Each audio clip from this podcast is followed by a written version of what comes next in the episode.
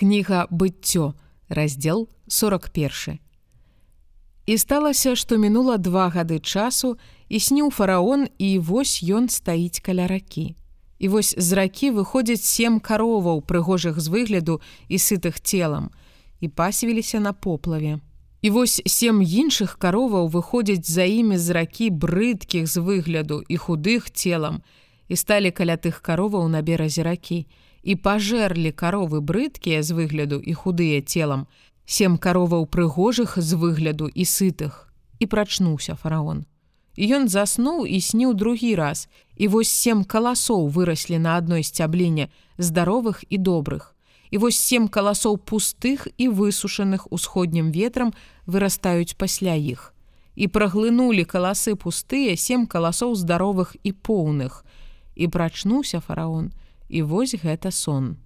І сталася раніцаю, што быў устрывожаны дух ягоны, і ён паслаў і паклікаў усіх варажбітоў Егіпту і ўсіх мудрацоў яго і распавёў ім фараон сон свой, і не было нікога, хто б патлумачыў яго фараону. І прамовіў начальнік чашнікаў фараону, кажучы: « Грахі мае ўзгадваю я сёння. Фараон загневаўся на слугаў сваіх і аддаў мяне пад нагляд у дом начальніка варты, мяне і начальніка пекараў. І мы снілі сон у одну ноч. Я і ён, кожны са значэннем сон свой мы снілі. І быў там з намі юнак гебрай, нявольнік начальніка варты.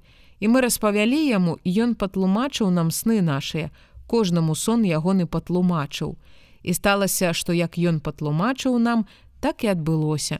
Мяне вярнулі на становішча маё, а таго павесілі.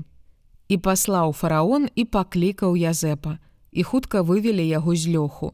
І ён пагаліўся і змяніў адзенне сваё і прыйшоў да фараона. І сказаў фараон Язэпу: « Я сніў сон і няма нікога, хто б патлумачыў яго.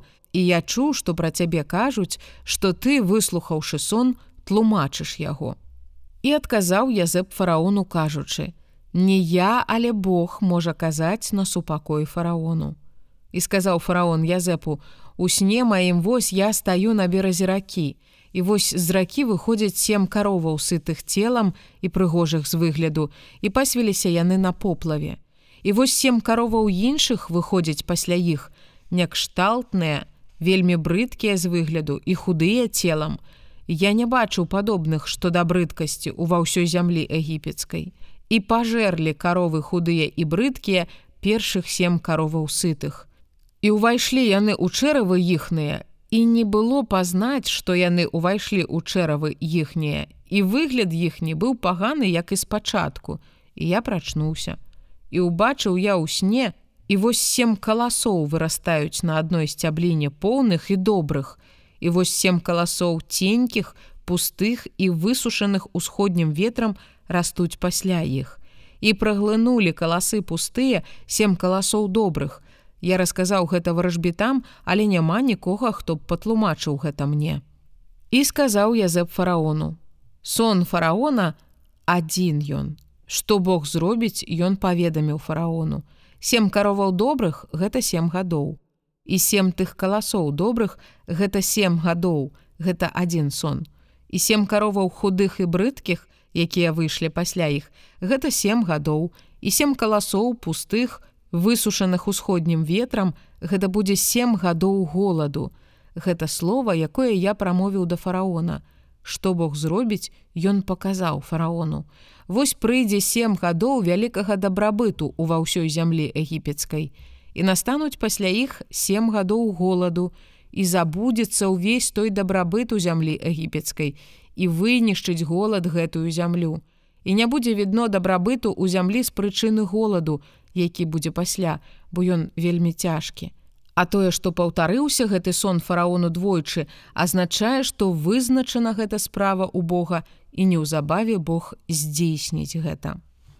І цяпер няхай прыгледзець фараон мужа кемлівага і мудрага і няхай паставіць яго над зямлёю егіпецкай. Няхай так зробіць фараон і прызначыць наглядчыкаў над краем і збірае пятую частку ўраджаю з зямлі егіпецкай у сем гадоў дабрабыту. і збяруць усякае харчаванне падчас гэтых добрых гадоў, якія надыдуць, і няхай збіраюць збожжа пад руку фараона на харчаванне ў гарадах і няхай захоўваюць. І будзе гэта харчаванне на запас зямлі на сем гадоў голаду. І добрае было гэта слово ў вачах фараона і ў вачах усіх слугаў ягоных. І сказаў фараон слухам сваім: « Ці знойдзецца такі чалавек, як гэты, які мае ў сабе духа Божага, і сказаў фараон Язэпу: Пасля таго, як Бог паведаміў табе ўсё гэта, няма нікога такога кемлівага і мудрага, як ты. Ты будзеш над домам маім і вуснаў тваіх будзе слухацца ўвесь народ мой, толькі пасадам я буду перавышаць цябе. І сказаў фараон Язэпу: « Глядзі, я паставіў цябе над усёй зямлёю егіпецкай. І зняў фараон пярсцёнак свой з рукі сваёй і даў яго на руку язэпу. І апрануў яго ў адзенне з вісону і ўзлажыў ланцуг залаты на шыю ягоную і загадаў вазіць яго на другой калясніцы сваёй і крычалі перад ім: кланяйцеся і паставіў яго над усёй зямлёю егіпецкай. І сказаў фараон Язэпу: Я фараон, але без цябе ніхто не падыме рукі сваёй і нагі сваёй ува ўсёй зямлі егіпецкай. І назваў фараон імя Язэпава цафнат панеах і даў яму за жонку аснат, дачку патыпера святараз ону. І ўзняўся Язэп над зямлёю егіпецкаю. Язэпу было 30 гадоў, калі ён стаў перад фараонам валадаром Егіпту. І выйшаў Язэп ад аблічча фараона і прайшоў па ўсёй зямлі егіпецкай. І выдала зямля ў сем гадоў дабрабыту поўныя жмені збожжа і збіраў ён усякае харчаванне тых сямі гадоў, якія былі ў зямлі егіпецкай і размясціў харчаванне ў гарадах, харчаванне з вакалічных палёў гораду ён складаў у кожным з іх. І назбіраў язэб збожжа як пяску марскога. Так шмат ажно перасталі лічыць, бо не было яму ліку. І ў Язэпа нарадзіліся два сыны, перш чым прыйшоў год голаду, якіх нарадзіла яму аснат, дачка патыпера святараз ону і назваў Язэп імя першароднага Манаса, бо казаў: « Даў мне Бог забыцца ўсе цяжкасці мае і ўвесь дом бацькі майго. А імя другога назваў Эфраім, бо казаў: « распладзіў мяне Бог у зямлі нядолі маёй. І мінулі сем гадоў дабрабыту, які быў у зямлі егіпецкай, і пачалі прыходзіць сем гадоў голаду, як сказаў Язэп, і быў голад ува ўсіх краінах, але ў ва ўсёй зямлі егіпецкай быў хлеб.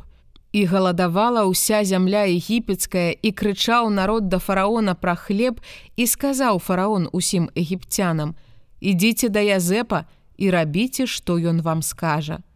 І быў голад на ўсім абліччы зямлі, і адчыніў Язэп усе гумны, якія былі ў іх і прадаваў егіпцянам і павялічваўся голад у зямлі егіпецкай. І з усёй зямлі прыходзілі ў Егіпет купляць у Язэпа, бо павялічваўся голад па ўсёй зямлі.